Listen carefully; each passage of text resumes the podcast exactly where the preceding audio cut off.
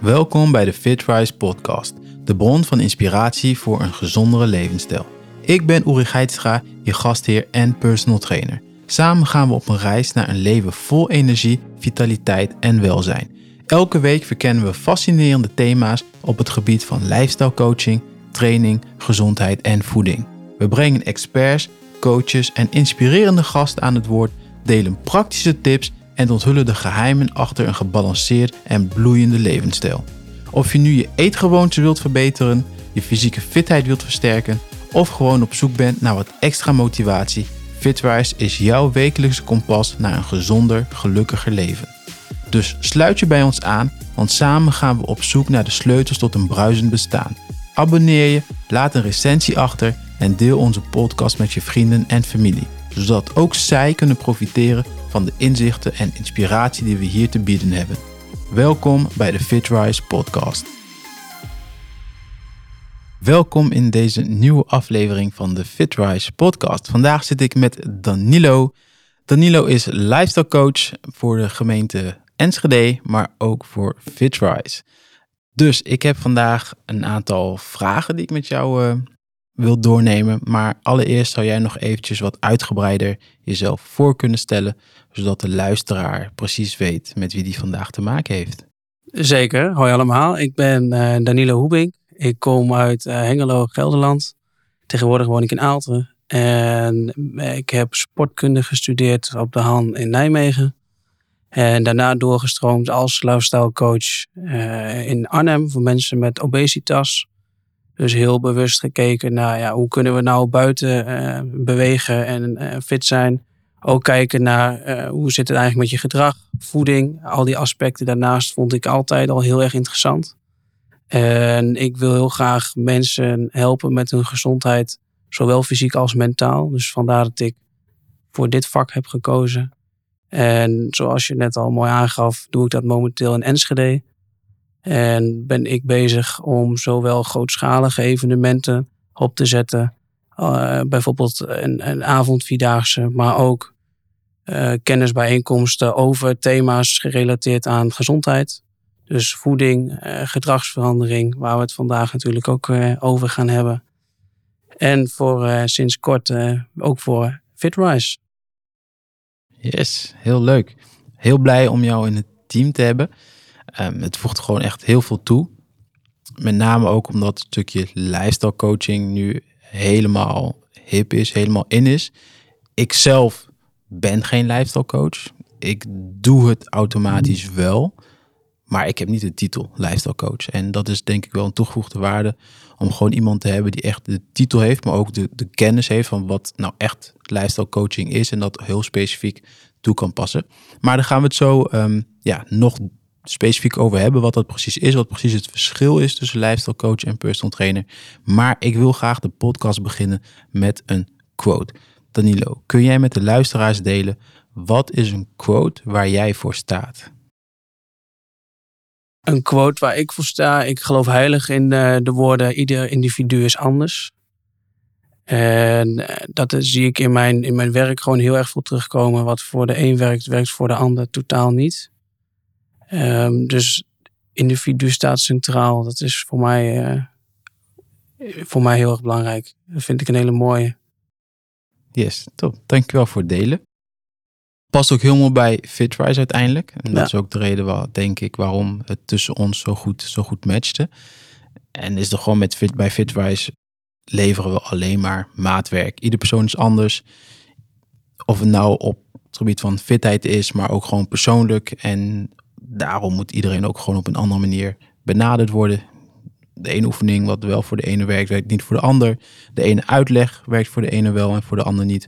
Dus op die manier klopt het helemaal wat je zegt en kan ik me daar helemaal in vinden en ben ik daar ook absoluut mee eens. Lifestyle coach.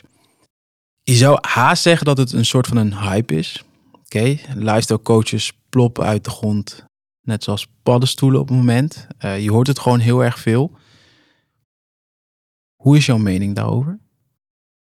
Het lastige bij lifestyle coaching eh, tegenwoordig is dat eigenlijk iedereen die iets breder kijkt dan alleen beweging, krijgt al de term lifestyle coach. Dus als jij iets breder naar gezondheid kijkt, dan ben je al een lifestyle coach. Uh, je hebt niet zoals bij een fysiotherapeut een hele specifieke opleiding waar je het papiertje uiteindelijk lifestyle coach van krijgt. Dus dit is denk ik ook een van de redenen dat, ja, dat gewoon heel veel mensen zich zo kunnen noemen. Um, dus ja, er zitten een beetje wat haken en ogen aan. Eh, in mijn ogen ehm, vind ik dat je echt wel specifieke kennis moet hebben over gedragsverandering, over eh, stress, over slaap, over alle factoren die daarbij spelen. En als je dat bezit, ben je in mijn ogen ben je een lifestyle coach. En niet iemand die eigenlijk ja, niet, tot nauwelijks kennis heeft van al die aspecten. Maar af en toe misschien weet van nou je zou wat meer eiwitten moeten eten. Ja, dan ben je in mijn ogen nog geen lifestyle coach. Dus daar zit gewoon een heel duidelijk verschil in voor mij. Ja, ik snap wat je bedoelt. Maar oké, dan even gewoon meteen boem de vraag. Wat is een lifestyle coach? Wat doet een lifestyle coach? Wanneer heb ik een lifestyle coach nodig? Wanneer vraag ik de hulp van een lifestyle coach? Drie vragen in één keer, sorry. Maar wat, wat is een lifestyle coach? Een lifestyle coach is eigenlijk een, een, een analist van je hele dagelijkse routines en je hele dagelijkse leven. Dus die kijkt naar het hele bredere plaatje. Dus alle verschillende aspecten in je dagelijks leven hebben uiteindelijk de uitwerking dat je, uh, nou ja, zit in de situatie waar je nu in zit. Dus stel je voor, je bent, uh, je hebt overgewicht. Dat kan te maken hebben met zoveel verschillende factoren. En een lifestyle coach die kan echt goed kijken naar het bredere plaatje. Dus oké, je beweegt wel genoeg, maar hoe ga je eigenlijk om met je stress? Zit dat wel oké? Eh, hoe ga je eigenlijk om met je slaap? Heb je wel een goed slaapritme bijvoorbeeld? Een lifestyle coach kijkt echt naar dat totale plaatje. En daar kan hij heel goed uitfilteren van waar aandacht voor nodig is. Oké, en dat doen jullie door middel van met mensen om tafel te gaan zitten? Door wat, wat, is, wat, wat is de basis? Heel simpel, personal trainer. De basis is sporten, mhm. trainen een voedingsdeskundige of een diëtist, de basis is gewoon, we gaan zitten aan tafel, we hebben een gesprek en we hebben het over je voeding. Wat is bij een lifestyle coach de basis? De basis is, uh, begint eigenlijk altijd met een intakegesprek. Intakegesprek uh, proberen we in kaart te brengen van nou wel hoe ziet je beweeggedrag eruit? Hoe ziet ook je voedingsgedrag eruit? Maar daarnaast gaan we ook echt gesprek aan. Dus uh, nou ja, breng je slaap eens in kaart. Hoe gaat het eigenlijk met je stress? Hoe ga je daarmee om? Uh, dus wij gebruiken bijvoorbeeld de Bravo-factoren als voorbeeld. Dus dat staat voor bewegen, roken, alcohol, voeding en ontspanning. Dus dat is altijd een hele mooie pijler. Uh, eigenlijk met die vijf factoren heb je meteen een vrij snel beeld van, nou, hoe gaat iemand met zijn ontspanning ook om? Maar het stuk voeding, bewegen zitten in. En alcohol, roken is natuurlijk ook een belangrijke pijler. Eh, daarnaast hebben we vaak ook het gesprek van, nou, hoe zit het nou eigenlijk met je motivatie? Uh, je zit hier nou wel vandaag, maar ja, wat is nou eigenlijk de reden dat je hier zit? En ook kijken we van, nou, wat is dan de reden waarom dingen niet gelukt zijn? Dus het stuk drempels. Hè, wat houd je tegen? Wat, uh, ja, wat zijn je beren op de weg, zeg maar? Dus dat zijn eigenlijk een beetje de basisdingen. Dus je brengt bewegen voeding in kaart. Eh, ontspanning, stressregulatie en daarnaast eh, ja, een beetje intrinsieke motivatie peilen. Eh, samen met de drempels of de redenen waarom het dus niet is gelukt om te realiseren wat iemand graag zou willen. Ehm, dat is een beetje de basis. Ja. Aan de ene kant vind ik het goed dat die label er is, coach. Ook omdat het ook echt een opleiding is en er vanuit de verzekeraars bepaalde sessies vergoed kunnen worden, wat bij personal training niet het geval is.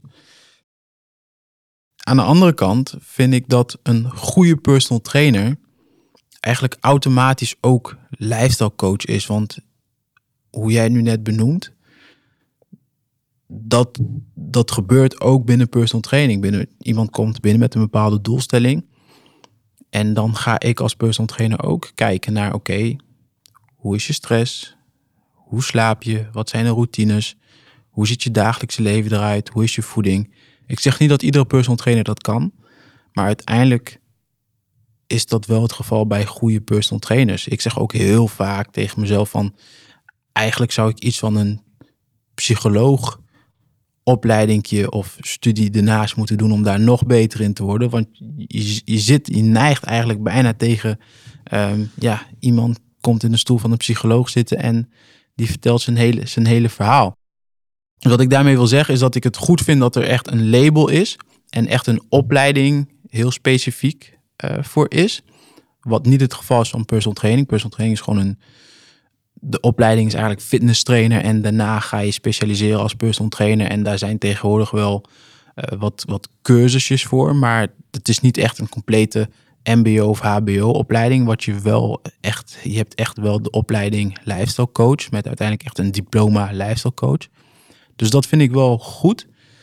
Maar aan de andere kant, het is weer, ja, zoals jij zegt, iedereen die gezondheid iets breder bekijkt, noemt zich lifestyle coach. Je ziet heel veel diëtisten die, um, ik zeg iets, uh, Jan Pieter, diëtetiek en lifestyle coaching.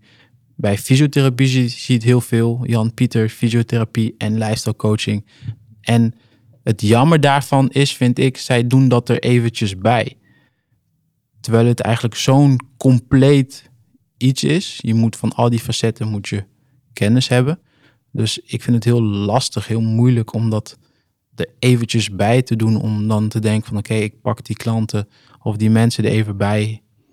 Dus dat vind ik weer het, het, het, het tricky um, ervan. Ik weet niet of je snapt wat ik bedoel, maar ja, dat is mijn mening over de titel lifestyle coach. Dus ik vind het goed, maar tegelijkertijd vind ik ook dat er weer heel veel mensen soort van misbruik van maken. Dat is ook voor mij de reden waarom ik nooit voor mezelf, zeg maar, de titel lifestyle coach heb gegeven.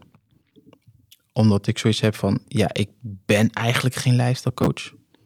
Ik ben wel personal trainer. Ik weet dat ik breder fungeer dan alleen maar personal trainer. Dat ik breder kijk dan alleen maar het sportgedeelte. Maar ik wil daarom niet per se mezelf lifestyle coach noemen, omdat ik officieel geen lifestyle coach ben.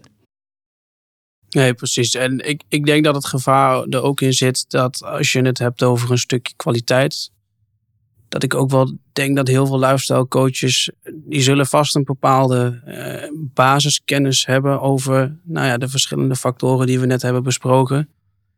Maar ja, zoals ik in mijn quote aangaf, ieder individu is gewoon anders. Um, dus ja, ik geloof niet dat je met die basiskennis in de individu kunt helpen. En voor veel vragen is er gewoon specifiekere kennis nodig om daadwerkelijk een goede kwalitatieve dienst te kunnen verlenen aan diegene. En daar heb ik dan ook wel een beetje moeite mee. En dat, dat er dus zoveel mensen zich lifestyle coach noemen. Terwijl ik denk van ja, specifieke kennis om elk individu te kunnen helpen, die bezitten ze vaak, denk ik helemaal niet. Nee, nee. En als we dan nu kijken, hè, bijvoorbeeld FitRise, we hebben lifestyle coach, we hebben een personal trainer. Wanneer kiest iemand voor de lifestyle coach? Wanneer kiest iemand voor de personal trainer? Iemand kiest voor de personal trainer eh, in mijn ogen als die lekker wil sporten. Uh, een personal trainer heeft natuurlijk zeker uh, aandacht voor, voor de persoon. Dus een stukje praten over je problemen en daar gewoon wat, wat tips, basistips bij geven. Dat hoort denk ik ook bij het vak personal training. Maar als er specifiekere um, casussen zijn waarbij bijvoorbeeld echt gedragsverandering gerealiseerd moet worden of uh, doorbreken van je patronen of uh, ja, dat zijn toch wel echt wel wat complexere uh, situaties in mijn ogen. Ja, dan heeft iemand echt wel baat bij bijvoorbeeld een lifestyle coach. Ja, okay, omdat je de lifestyle coach echt de tools heeft ja. om dat gewoon methodisch goed aan te pakken. Precies, ja. Ja, oké. Nou, dat is op zich wel grappig dat je dat zo, zo benoemt. Uh, want de bedoeling vandaag voor ons was natuurlijk om een beetje uit te leggen wat, wat een lifestyle coach is, wat een lifestyle coach doet, wat het verschil is met, met een personal trainer. Maar we hebben ook een hele specifieke vraag gekregen van een van onze klanten. En dat is hoe de werking van je brein je gedrag beïnvloedt. Dat is een hele mooie vraag. Ehm, ja, het begint natuurlijk allemaal in je brein. Vanuit je brein kom je tot bepaalde uitingen in je gedrag. En een van de belangrijkste factoren is eigenlijk uh, nou ja, de verschillende stofjes zoals uh, dopamine, gaan we straks nog dieper op in, endorfine. En hoe jij je voelt in je brein bepaalt voor een heel groot deel de ja, gedragingen die jij gedurende een hele dag laat zien. Um, stel je voor, je hebt bijvoorbeeld het beloningssysteem in je hersenen. Daar speelt dopamine speelt daar een hele grote rol in. Als jouw hersenen bij bijvoorbeeld een zak chips leeg eten op de bank de stofjes gaan produceren dat je gelukkig, dat je je gelukkig voelt en dat het voelt als voldaan en een beloning, dan speelt dat natuurlijk een mega grote rol in nou ja, je ongezonde gewoontes. Dus allemaal van dat soort stofjes die jou eigenlijk belonen voor het verkeerde gedrag. Ja, dat is een van de, denk ik, meest toepasselijke eh, situaties waar het in dit geval om kan gaan. Dus in die zin, ja, je, je brein bepaalt gewoon, bepaalt alles.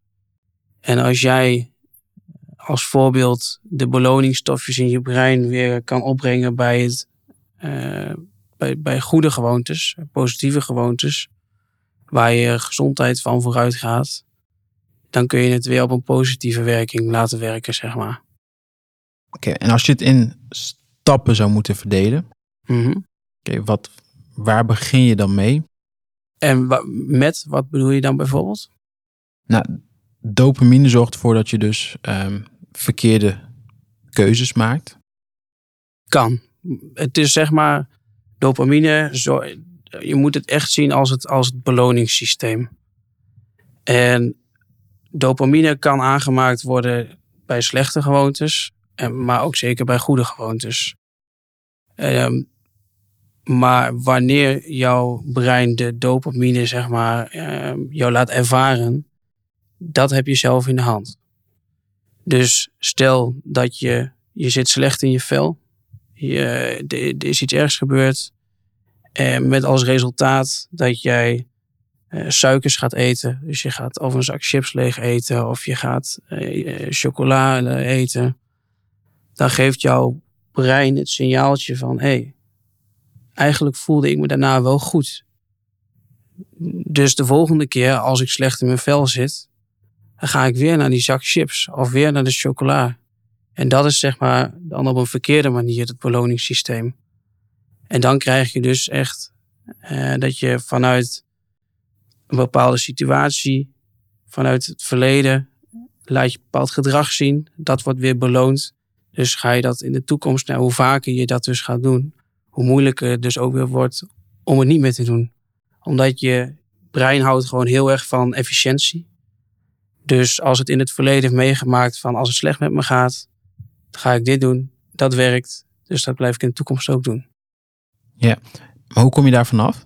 Hoe kom je daarvan af? Uh, er zijn verschillende manieren om daarvan af te komen. Uh, voor de mensen die het aandurven, en zou je, dat noemen ze dan een dopamine detox kunnen doen. Dus eigenlijk ga je daarin één tot, ik zou zeggen, bijvoorbeeld drie weken. Ga je alle slechte gewoontes die je hebt opgebouwd, waarvan jij zelf denkt dat de slechte gewoontes zijn. Want dat is natuurlijk voor ieder persoon weer anders. Ga je volledig verbannen voor die periode.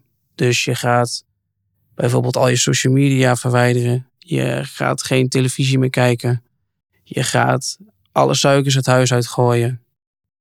En in die periode moet je lichaam en vooral je brein dus op zoek gaan naar andere manieren om weer die dopamine aan te maken. Want dat wil het natuurlijk wel heel graag. Want je wil blij zijn en je wil je voldaan voelen. En dus de eerste periode gaat je lichaam heel erg tegenstribbelen. Maar het doel van zo'n periode is dus dat je uiteindelijk jezelf dus nieuwe uh, activiteiten of gewoontes aanwendt en het brein aanwendt om daar dus die dopamine weer op af te geven. Ja, dus je wilt in eerste instantie bewust zijn, bewust worden van oké, wat zijn mijn slechte gewoontes? Die wil je in kaart brengen. En vervolgens zeg je van oké, dan gaan we een x-periode gaan we detoxen. Dus gaan we al die gewoontes die we hebben geïdentificeerd als bad habits, als slecht, gaan we eruit knikkeren. Maar ik vraag me dan af, iemand die het zover heeft laten komen, waar haalt hij de discipline vandaan om zo'n detox te doen? Precies, dus voor waarschijnlijk de meeste gevallen is dit veel te moeilijk, deze variant. Wat je dan bijvoorbeeld kan doen, is het eigenlijk zo klein mogelijk maken. Dus wat je gaat doen, je gaat één gewoonte van een dag ga je eruit pikken. En die ga je of volledig weghalen. Eh, maar als dat te moeilijk is, dan ga je die vervangen door een goede gewoonte. En dat is uiteindelijk nog de beste optie. Dus je begint maar met één ding. Dus verder de rest van de dag laat je zoals het is, maar je begint met één ding. En dat ga je vervangen door een, wat in jouw ogen een goede gewoonte is. Dus in plaats van uh, s'avonds die zak chips, ga je een uh, kop thee drinken of pak, ga je fruit snijden en eet je een bakje fruit. Maar je gaat dus niet afwijken van je patroon, maar je gaat de gewoonte vervangen door een andere gewoonte, een positievere gewoonte. En het doel daarvan is dat als je hopelijk dat bij die ene gewoonte doet, dat je daarna naar de volgende kan. En daarna het stapje maakt naar de volgende. En dan kun je het op die manier kun je het dus opbouwen. En dat is voor de meeste mensen denk ik een iets uh, behapbaardere uh, mogelijkheid, zeg maar. Oké, en hoe hangt natuurlijk af van ieder persoon natuurlijk, maar stel je voor iemand heeft tien van die slechte gewoontes op een dag. Hoe lang duurt zo'n traject dan? Als je zeg maar echt gewoonte per gewoonte aanpakt, hoe lang moet je dat dan doen voordat je niet meer terug wilt of terug gaat naar die oude gewoonte? Als je het hebt over echt langdurige uh, gedragsverandering, dan ja, zonder terugval praat je eigenlijk echt over minimaal een half jaar. En dan praat ik over minimaal. Uh, omdat je heel vaak ziet dat bij korte, dat de kans op terugval toch gewoon nog relatief groot is. En uh, ze zeggen wel eens dat als je uh, bijvoorbeeld het stoppen met roken, als je de eerste drie weken hebt gehad, dan is de kans van slagen aanzienlijk groot. Dus daar hebben ze het over een periode van bijvoorbeeld drie weken om een bepaalde gewoonte af te leren. Dus als je het op die manier zou zien, drie weken om een gewoonte af te leren. Nou ja, telt dat door voor tien. Dan zit je dus ook aan, nou ja, zo'n 30 weken. Maar het kan zijn dat als die eerste gewoonte afleren zo goed gaat, dat je heel veel succeservaring ervaart. En dat je eigenlijk na een paar dagen, na een week denkt van, oh, ik kan er eigenlijk nu misschien al wel wat bij doen. Dus in de praktijk zal het niet zo lang zijn. Uh, en ligt het er ook gewoon echt heel erg aan hoe groot de slechte gewoontes zijn die zeg maar afgeleerd moeten worden. Dus het is wederom heel persoonsafhankelijk. Maar om echt structureel zeg maar van al je gewoontes af te zijn, dan, ja, dan praat je denk ik echt wel over minimaal een half jaar. We hebben dus nu e twee methodes genoemd. Dus echt de, de meest extreme, dus die twee of drie weken detox. Vervolgens hebben we stapsgewijs eigenlijk één methode per keer veranderen door iets, iets, iets negatiefs veranderen door iets positiefs. Heb je nog andere tips? Um, ja, maar als je bijvoorbeeld een, een, slechte gewoonte hebt voor, ik zeg maar wat, het snacken. Wat ook heel goed werkt, is de drempel verhogen naar het snacken toe. Dus dan heb ik het nu over een hele specifieke gewoonte. Uh, maar stel je hebt daar zoveel moeite mee. Stop het maar eens achter een deur die je op slot doet, waarvan je de sleutel in een laadje legt. En dan heb je eigenlijk al drie, vier stappen nodig om überhaupt daar te komen. En wat je dan kan doen is de gewoonte die je daardoor wil vervangen, dus bijvoorbeeld het eten van fruit, leg je midden op tafel. Dus in je brein moet je dan voor de slechte gewoonte vier, vijf stappen misschien wel nemen. En het fruit kun je bij wijze van zo pakken. Dus ook op die manier kun je, voelt het dan dus de stap naar de ongezonde gewoonte veel groter dan naar de gezonde gewoonte. Dus dat is bijvoorbeeld ook weer een trucje wat je zou kunnen proberen. Maar wanneer is een slechte gewoonte slecht? Ik zeg iets, iets heel stoms. Ehm, wij vinden, ochtends opstaan, eerst wat je doet, je telefoon pakken, door social media scrollen. Dat identificeren wij als een slechte gewoonte. Maar het kan zomaar zijn dat Pietje dat geen slechte gewoonte vindt. Dus wanneer is een slechte gewoonte slecht? Uiteindelijk hangt het er denk ik vanaf wat het gevolg is van de gewoonte. Als je bijvoorbeeld, een heel mooi voorbeeld, je mobiel meteen pakt s ochtends, gaat het dan eigenlijk ten koste onder, onder andere van een stukje aandacht voor misschien wel je partner, als je, als je het hebt. Gaat het dan ook ten koste van dat je daarna weer gestrest moet zijn, omdat je, je, je niet toekomt aan je taken voordat je naar het werk moet. Uh, uiteindelijk is het natuurlijk heel persoonsafhankelijk. Uh, iedereen die, ja, het zou ook kunnen dat iemand daar heel erg rustig van wakker wordt en op die manier het fijn vindt om gewoon met het verstand op nul even lekker door social media te scrollen. Ja, dan zou ik het, als iemand daar weer rust en misschien wel een stukje plezier uithaalt van wat hij dan ziet, ja, dan, dan is het geen slechte gewoonte. Dus dat blijft gewoon heel subjectief en, en wel lastig om, om te zeggen wat nou wel en niet slecht is. Ja, wat zijn de manieren om dan alsnog te identificeren of iets slecht is voor iemand? Zijn daar tools voor? Is dat meetbaar? Uiteindelijk eh, hangt het denk ik allemaal ook vooral samen met waar wil iemand uiteindelijk naartoe? En wat zijn dan de gewoontes die daar wel bij passen en wat zijn dan de gewoontes die daar niet bij passen? En alles hangt denk ik samen met ja, wat is dus inderdaad iemands doel en waar wil iemand naartoe? En dan kun je denk ik samen heel kritisch kijken naar welke gewoontes daar dus uit moeten en nou ja, wat nog wel uh, erin kan blijven. Ja, dat is echt heel specifiek kijken van oké, dit is waar ik nu sta. Dit zijn de gewoontes die ik nu heb. Welke gewoontes zou ik eigenlijk moeten toepassen, moeten hebben om een bepaalde doelstelling te kunnen behalen? Precies. Als, als iemand uh, een marathon wil lopen.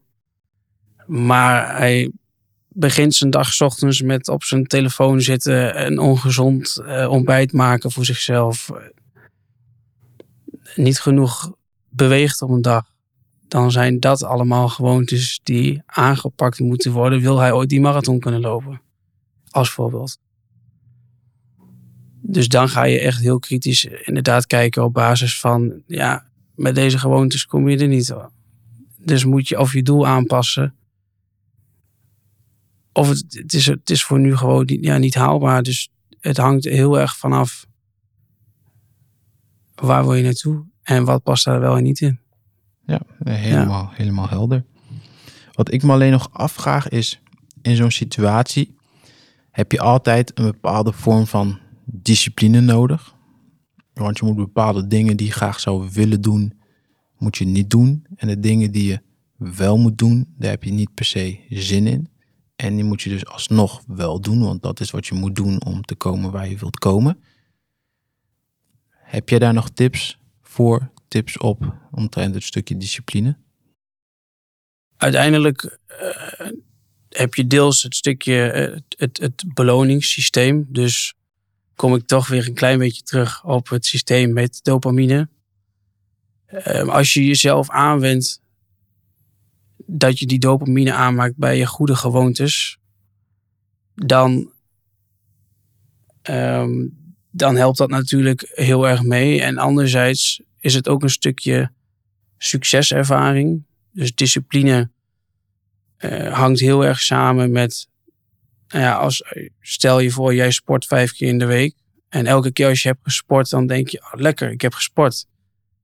En uiteindelijk wordt het een patroon en heb je zo lang die succeservaring gehad dat je het eigenlijk niet meer nodig hebt. Maar is het sporten vijf keer in de week zo in je gedrag gesleten dat het ook geen moeite meer kost. En dat wordt dan gezien als discipline.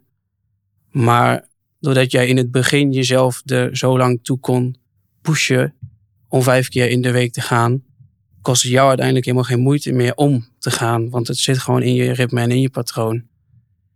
En dan komt het op anderen misschien wel over als discipline, maar het zit gewoon in je systeem.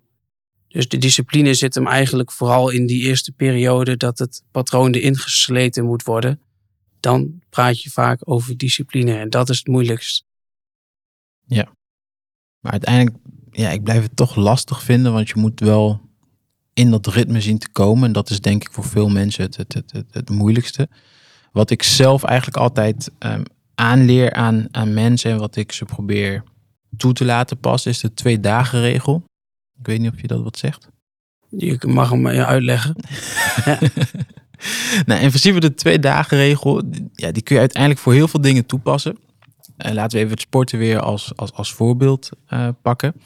Jij hebt als doel om, ik zeg iets, om de dag te gaan sporten. Oké. De twee dagen regel houdt in dat je als jij dus een bepaald iets moet doen, dus in dit geval moet sporten, en je hebt dat één dag gemist, de tweede dag gemist, dan koste wat het kost, moet je het de derde dag weer oppakken. Dat zorgt uiteindelijk voor dat je geen gat krijgt. En dat is denk ik op het moment dat mensen ergens aan beginnen en ze haken een week af, dan wordt de drempel alleen maar groter om het weer opnieuw op te pakken. Terwijl ze er eigenlijk al in zaten. En op het moment dat je voor jezelf dusdanig hard, dusdanig streng, dusdanig de discipline op kunt brengen om je op zijn minst daaraan te houden, dan heb je uiteindelijk maar max twee dagen geen, ja, die slechte gewoonte, dus maar maximaal twee dagen. Simpel voorbeeld voor mezelf. Ik doe het, ik doe het zelf ook. Ehm, ik pas het voor mezelf ook toe. Ik had me voorgenomen om deze winter eigenlijk vaker mijn ijsbad te gebruiken. Wat is vaak? Heel vaag begrip, maar ik wilde vaker een ijsbad nemen dan vorig jaar. Dus ik heb voor mezelf gewoon gezegd van goh, ik pas bij mezelf voor het ijsbad de twee dagen regel toe. Op het moment dat ik twee dagen geen ijsbad heb genomen, ongeacht hoe druk ik ben, ongeacht of het dan s'avonds is wel of niet, terwijl dat niet het meest ideale moment is om een ijsbad te nemen. Die derde dag, kost wat het kost, ook al is het maar 30 seconden, spring ik in mijn ijsbad. En op die manier zorgt dat, tenminste dat helpt mij dan, om inderdaad gewoon die ritme erin te houden.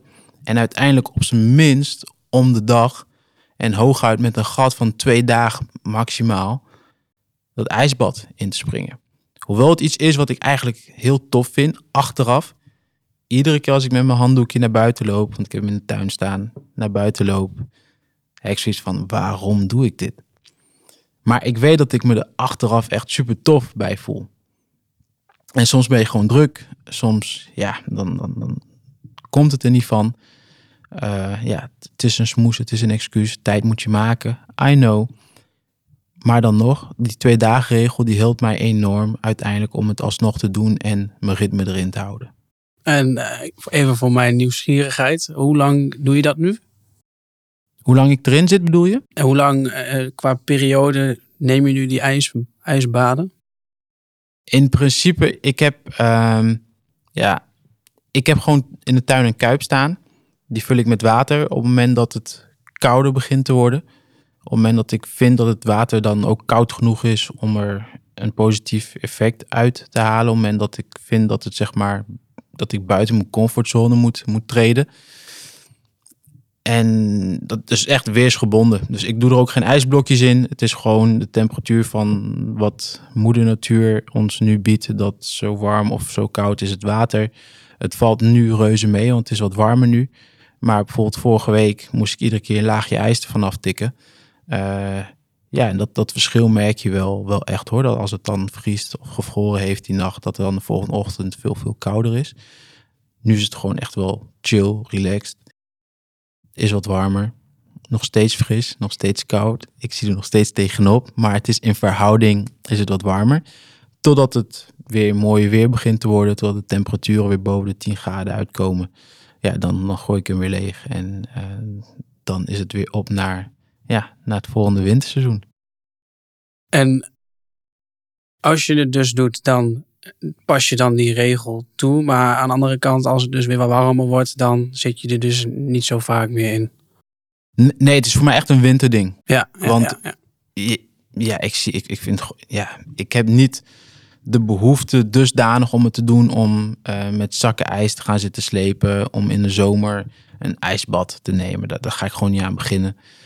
Een bad wat het hele jaar door gekoeld is, vind ik gewoon in aanschaf gewoon veel te duur. Vervolgens zit je met een stukje energie uh, wat, je erbij, wat erbij komt kijken. Dus het is voor mij echt gewoon een, een winterding geworden eigenlijk. En ik doe het voor twee redenen. Eén is omdat ik me er gewoon achteraf heel goed bij voel. En ik weet de voordelen er, ervan. Um, nou, ik heb toevallig een podcast te staan met een expert in immuuntraining. Nou, die, die, die gaat ons alles vertellen over ijsbad en de voordelen ervan en wat het allemaal met het, met het lichaam doet. Dus daar ga ik nu in deze podcast niet, niet, niet dieper op in. En ik vind gewoon dat je als, zou niet zeggen als man zijnde, maar als mens zijnde, ja, regelmatig uit je comfortzone uh, moet stappen. En ja, daar word je gewoon, daar blijf je sterk van. Uh, je moet gewoon nieuwe dingen ontdekken, uit je comfortzone stappen en jezelf uit blijven dagen. En dat kan op heel veel verschillende aspecten. Dat kan intellectueel, maar dat kan ook zeg maar gewoon fysiek. Uh, ja, niet zozeer dat, dat ik me moet bewijzen of iets, maar dat ik gewoon voor mezelf, ja, ik bedoel, zit hier lekker warm en ja, af en toe moet dat lichaam gewoon weer eventjes wakker schudden. Want uh, ik, ik was wel nieuwsgierig uh, voor heel veel luisteraars die denken bij een ijsbad echt van dat zou ik echt nooit van mijn leven doen. Is dan die twee dagen regel een van de manieren hoe je jezelf toch dan zover hebt gekregen? Of hoe, hoe ben je in het begin met die discipline omgegaan bijvoorbeeld? Want ik, kan... kijk, het, ik heb geen disciplineprobleem. Het probleem, als ik het zo mag noemen, is ik begin één keer in de week om vijf uur s ochtends en drie keer in de week om zes uur. En het meest ideale voor een ijsbad is om dat s ochtends vroeg te doen. Ik heb een kleine van tien maanden die mij s'nachts nog steeds wakker maakt. Mensen betalen een bepaald bedrag voor mijn personal training sessies. Dus ik vind ook dat ik gewoon fit er moet staan. En als ik dan een half uur minder slaap omdat ik per se vind dat ik in een ijsbad moet. En dat ten koste gaat van mijn werk verder op de dag. Dat vind ik dan, dan niet kunnen. Dus het is meer als ik een kantoorbaan had gehad en iedere dag om acht uur op het werk moest verschijnen, dan zat ik er iedere dag in zonder problemen. Maar het is meer dat ik het gewoon dan te gek vind. Dat is het eigenlijk. Ja, en wat ik, wat ik vaak ook nog zeg bij, bij stel iemand wil echt een, uh, elke dag bijvoorbeeld een uur wandelen. Maak het gewoon eens zo klein voor jezelf dat je alleen tegen jezelf zegt van joh, ik trek elke dag de wandelschoenen aan en dan zie ik wel hoe ver ik ga wandelen. En zo kun je dat ook bijvoorbeeld met, met een ijsbad of met elke gewoonte natuurlijk doen. Eh, vaak willen, men wil meteen op topniveau eh, presteren. Terwijl daar zit dan nog zo'n gat tussen dat je, je moet eerst op amateurniveau beginnen. En dan kun je dat langzaam kun je dat opbouwen. Maar mensen verwachten meteen van zichzelf dat ze meteen het beste kunnen geven. Maar het is ook gewoon iets wat je uiteindelijk moet leren vanaf onderaan. Want het zit er gewoon niet in. Het is wat nieuws.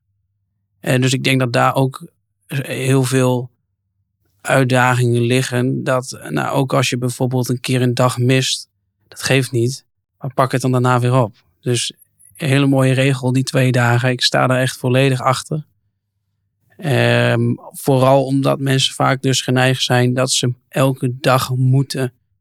En het gevaar daarin zit dus dat ze het niet accepteren als het dan een dag niet zo is. Niet zo lukt, ja, daar ben ik het helemaal mee. Daarom dat ik ook zeg van, op het moment dat ik zeg maar die derde dag om wat voor reden dan ook, dat het absoluut niet uitkomt. Ja, ook is het maar 30 seconden, ik spring erin gewoon puur om die cyclus te doorbreken en te zeggen van goh, oké, ik heb gedaan wat ik moest doen voor mezelf.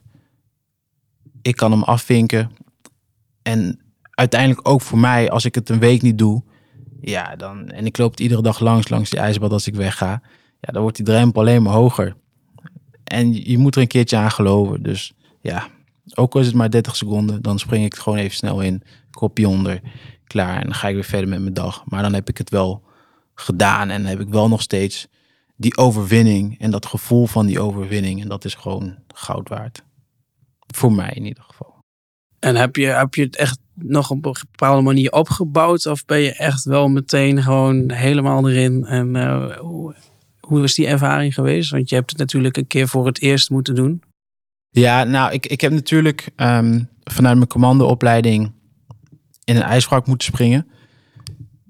Dat is voor mij de echt allereerste keer geweest dat ik zeg maar in koud water aanmerking ben gekomen. Nou, dat is een hele andere context. Uh, niet nadenken, gaan. Daar zit geen focus, ademhaling, zit niks bij. Dat is gewoon uh, op je wilskracht en verstand. Uh, dom verstand is dat gewoon hup, erin springen, je ding doen en doorgaan, doordouwen. En nu is het als ik tijd heb, dan heb ik gewoon mijn hele ochtendroutine. Met ademhaling, meditatie. En uiteindelijk heb ik mijn ochtendroutine ook dusdanig ingericht. Ik gebruik de Savers techniek. Dat uiteindelijk die blokken die ik heb, die kan ik ieder vijf, zes minuten doen of langer. Maar die kan ik ook ieder één minuutje doen. Maar dan heb ik wel al mijn onderdelen gehad. Dan heb ik wel één minuut lang gefocust op mijn ademhaling en mijn ademhalingroutine gedaan. Dan heb ik wel één minuut in mijn ijsbad gezeten in plaats van drie. En ik heb, nog, ik heb wel gewoon nog steeds mijn ochtendroutine gedaan. Dus uiteindelijk heb ik mijn routine dusdanig ingedeeld dat die, ja, als ik tijd heb, wat langer is. En als ik geen tijd heb, weet ik gewoon dat ik binnen 10 minuten gewoon al mijn dingen gedaan kan hebben die ik moet doen. En van daaruit weer gewoon, ja, ontbijt en doorgaan en kan beginnen met mijn dag. Ja, dus dan haal je toch nog weer hè, de, de succeservaring uit dat je het natuurlijk wel hebt gedaan. En dat je wel de goede patronen erin houdt en de goede gewoontes erin houdt. Ja, wat, wat voor mij belangrijk is, en ik denk dat dat voor, voor heel veel mensen um, belangrijk is uiteindelijk, is dat stukje trots en dopamine wat je haalt uit, uit een overwinning. En op het moment dat jij de hele dag door overwinningen scoort, ja, bouw je één zelfvertrouwen op. Maar twee, het geeft gewoon een supergoed, supergoed gevoel. Een heel stom voorbeeld wat ik altijd zeg, is maak je bed op. Op het moment dat jij je bed hebt opgemaakt en je loopt weg en je hebt gewoon een mooi, strak opgemaakt bed. Het hoeft niet alle militair, maar je hebt gewoon een mooi, strak bed staan. Dat geeft gewoon een fijn gevoel. En door zo'n simpel actie, door zo'n simpele iets eigenlijk, je bed opmaken, heb je op zijn minst twee keer per dag een goed gevoel. Op het moment dat je het gedaan hebt en die avond op het moment dat je in een mooi opgemaakt bed weer instapt. Tenminste, ik ervaar het als veel fijner dan in een bed wat helemaal in, in wrak ligt en nergens op lijkt. Ja, ik, ik noem het vaak ook sleutelgewoontes. Dus die, uh, die, die benoem ik vaak. En die moet op zoek naar bepaalde gewoontes in je dagritme, wat uiteindelijk ervoor gaat zorgen dat daaruit weer nog meer goede gewoontes voortvloeien. Dus een hele mooie, ik had hem ook opgeschreven, is het opmaken van je bed. Want wat gebeurt als je je bed hebt opgemaakt? Dan is de kans dat je nou wat productiever bent en eh, dat je andere gewoontes op gaat pakken zoveel groter. En het voorbeeld van meteen je mobiel pakken en door alles heen scrollen, zal ja, je dat gevoel echt niet geven. Nee, je begint gewoon met een overwinningspunt. En hoe meer overwinningspunten je aan het einde van de dag hebt, hoe beter je je voelt. Dus ik, denk, ik denk dat het een hele mooie is uh, als mensen moeite hebben om slechte gewoontes te doorbreken. Maak gewoon je wet op. ja, ik, ik, ik denk wel dat dat het begin is van, van een van discipline. Ik bedoel, als je dat al niet kunt, ja, dan, dan, heb je gewoon, dan is er gewoon heel veel werk aan de winkel. Dat is gewoon het begin. Het begin van je dag. Het eerste wat je doet. Tenminste, als je niet als eerste opstaat. Eerst wat je doet is je bed opmaken. Ja, ik heb helaas niet het geluk dat ik dat iedere dag kan doen, omdat ik als eerste opsta. Maar ik vind het wel super vervelend als ik naar bed ga. En mijn vriendin heeft het bijvoorbeeld niet gedaan. En inmiddels doet ze dat heel braaf iedere ochtend. maar ja, het is gewoon. Ik vind het gewoon in het weekend als ik mijn bed opmaak. En dan doe ik dat gewoon op mijn manier, strak, alle militair. Ja, ik vind het gewoon super tof. Ja, en het, het leidt gewoon tot meer. Dat, dat is Ja. uiteindelijk, Zeker. denk ik, eh, wat het eh, vooral doet. Ja. Ja. Nou, een heel, een heel gesprek over de vraag hoe de werking van je brein je gedrag beïnvloedt. Nou, uiteindelijk komt het erop neer dat we slechte gewoontes willen vervangen door goede gewoontes. Puur om dat stukje dopamine wat, wat je brein aanmaakt, om dat ook te krijgen bij goede gewoontes. Zodat je hersenen ook je gaan stimuleren om die goede gewoontes eigenlijk eh, te doen en niet alleen maar de slechte gewoontes. Dus ik hoop dat de vraag goed getackeld is. Als er nog vragen zijn of dingen vaag zijn die wij hebben uitgelegd, laat het ons dan vooral weten in de comments. Ik denk dat we alles besproken hebben wat we wilden. Dat denk ik ook. En ik denk dat er hele mooie en interessante eh, dingen gezegd zijn en uit zijn gekomen. Dus ja, hopelijk eh, kunnen de luisteraars er wat mee. Ik hoop het ook. Yes. En ik denk dat we binnenkort maar weer eens een keertje samen om tafel moeten zitten. Want volgens mij zijn er nog meer onderwerpen die we samen kunnen bespreken. Lijkt me leuk. Yes, top. Dankjewel voor het luisteren naar deze podcast. En eh, tot de volgende keer. Dankjewel voor het luisteren naar deze aflevering van de Fitwise podcast. We hopen dat je geïnspireerd bent geraakt en waardevolle inzichten hebt opgedaan om je gezondheid en levensstijl te verbeteren. Vergeet niet om te abonneren op onze podcast, zodat je geen enkele aflevering mist. Als je vragen hebt, meer informatie wilt over specifieke onderwerpen of als je feedback hebt die je met ons wilt delen, aarzel dan niet om contact met ons op te nemen via onze social media kanalen of onze website. Jouw input is van onschatbare waarde voor ons en zal ons helpen om de podcast te blijven verbeteren. Blijf geïnspireerd, blijf gemotiveerd en blijf werken aan een gezonder en gelukkiger leven. Samen kunnen we onze doelen bereiken en een positieve verandering teweeg brengen. Tot de volgende aflevering van de Fitwise podcast.